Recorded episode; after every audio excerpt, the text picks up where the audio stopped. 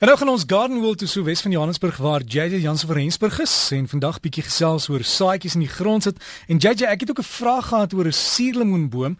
Iemand vra, hulle het 'n suurlemoenboom 2 jaar oud. Hy wil nie groei nie, maar hy wil ook nie doodgaan nie. Wat kan hulle doen?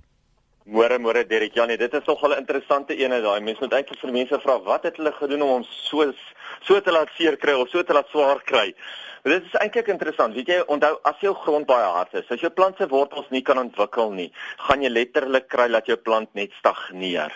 Baie mense as hulle 'n plant koop en hulle sê die sakkie is kom ons sê 10 cm by 10 cm groot, dan letterlik gaan hy in daai en hulle plant hom in 'n groot gat wat net so 10 cm by 10 cm is, dan gaan hulle letterlik net kry dat hy amper asof hy in 'n pot is in die grond groei.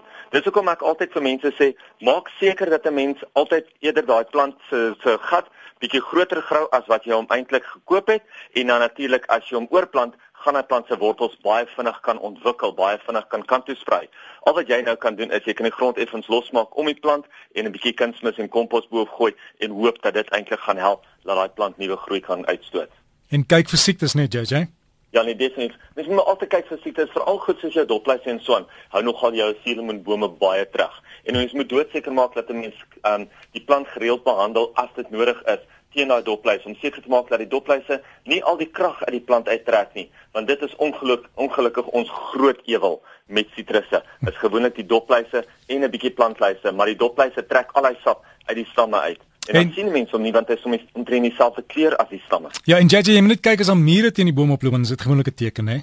Dis 'n teken van plantlyse, definitief. Want jou plantlyse dra die mure rond want logies, as sorry, die mure dra die plantlyse rond, want logies kan die mure dan die plantlyse se soet afskeiding afskei skeitsel vreet en natuurlik gaan die plantlyse lekker rondgedra kan word. So dis dis nou wat hulle noem simbiose, die twee lewe saam met mekaar.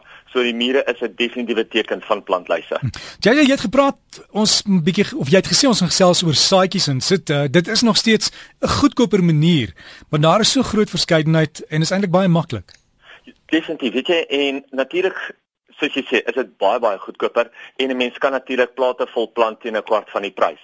Baie keer dan het mense net baie groot beddings wat hulle moet toeplant of hulle het nie altyd die finansies nie of hulle wil dit graag mooi kry vir Kersfees, maar hulle weet nie altyd hoe nie. En as 'n mens dit nou nog plant, gaan jy dan so 'n bietjie kleur kry vir Kersfees of vir die Kersseisoen. Maar die ander ding waaroor ek ook wil gesels is baie van ons plante, omdat dit nou lente is, is baie van hulle in blom en baie van hulle natuurlik maak nou saad. Nou wil mense weet wanneer kan hulle daai sade van daai plante afhaal sodat hulle dit wel kan plant. Ek het nou hierdie week 'n dame gehad met varkore. Gewone ou varkore. Hy maak mos daai pineappelsaad aan die bokant. Hy word eers so groen, dan word hy geel kleur. Nou mense moet letterlik wag totdat die plant se sade losbreek van die saadhuisie af. Dan weet 'n mens dat jou plant se sade is klaar ontwikkel. 'n Mens kan nie ietsie vat wat groen is om afblik en hoop hy gaan eenkant ryp word en hoop hy gaan eenkant klaar kan ontwikkel as daar so niks is wat meer aan hom die voeding gee nie. So sodra jy sien dat die plant se sade eintlik begin of verkleur of begin afbreek van die plant af, dan kan 'n mens gewoonlik daai sade vat en 'n mens kan hulle probeer plant. Nie alle sade gaan bestuif wees nie, nie alle sade gaan groei nie maar dit is altyd lekker om dit te probeer. Ek het ook gister dame gehad wat gebel het in verband met haar malvas. Toe sê sy sy sukkel met haar malvas. Hierdie jaar wil haar malvas net glad nie ontwikkel nie. Die plante self groei, hulle is daar, maar dit lyk net asof hulle nie wil floreer nie.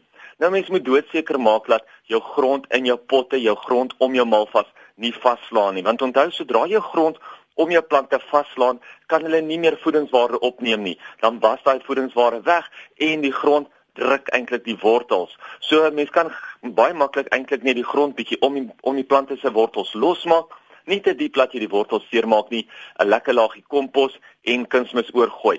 Maar onthou, malvas en baie van jou potplante hou eintlik baie van daai oplosbare kunsmisse. Ek praat mos altyd van die guanosols vir die groenigheid. Ek praat van die oplosbare 316. Daar's 'n wye verskeidenheid wat mense na kan kyk. En dit gaan natuurlik vir jou ook lekker baie blomme en baie nuwe groei gee.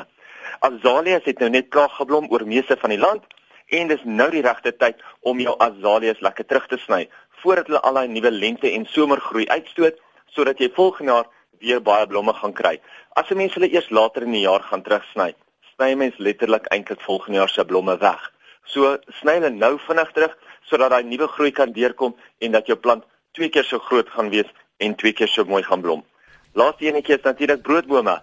Mense moet doodseker maak vir al die ouens in die warmer streke waar dit nog droog is, maak seker dat jy jou broodbome nou gereeld goed nat maak. Onthou broodbome hou van lekker baie water. Maak nie saak of dit jou inheemse variëteite is of jou uitheemse variëteite nie. Mens kan letterlik die tuinslang by hulle neersit vir ten minste 5 of 10 minute om hom 'n goeie goeie benatting te gee. Ja, jy nou nog gesê die dame met varkore.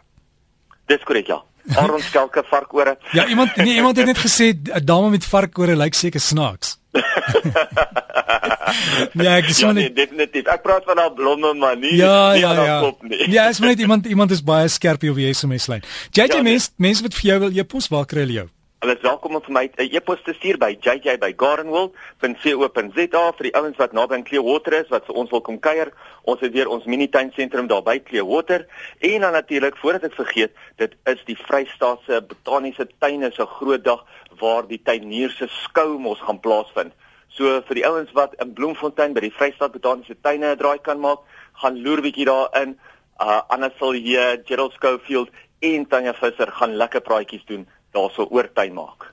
Wat so gesels ons dan met JJ Jansen van Rensburg. Sy e-pos is jj by gardenworld.co.za. Jj by gardenworld.co.za.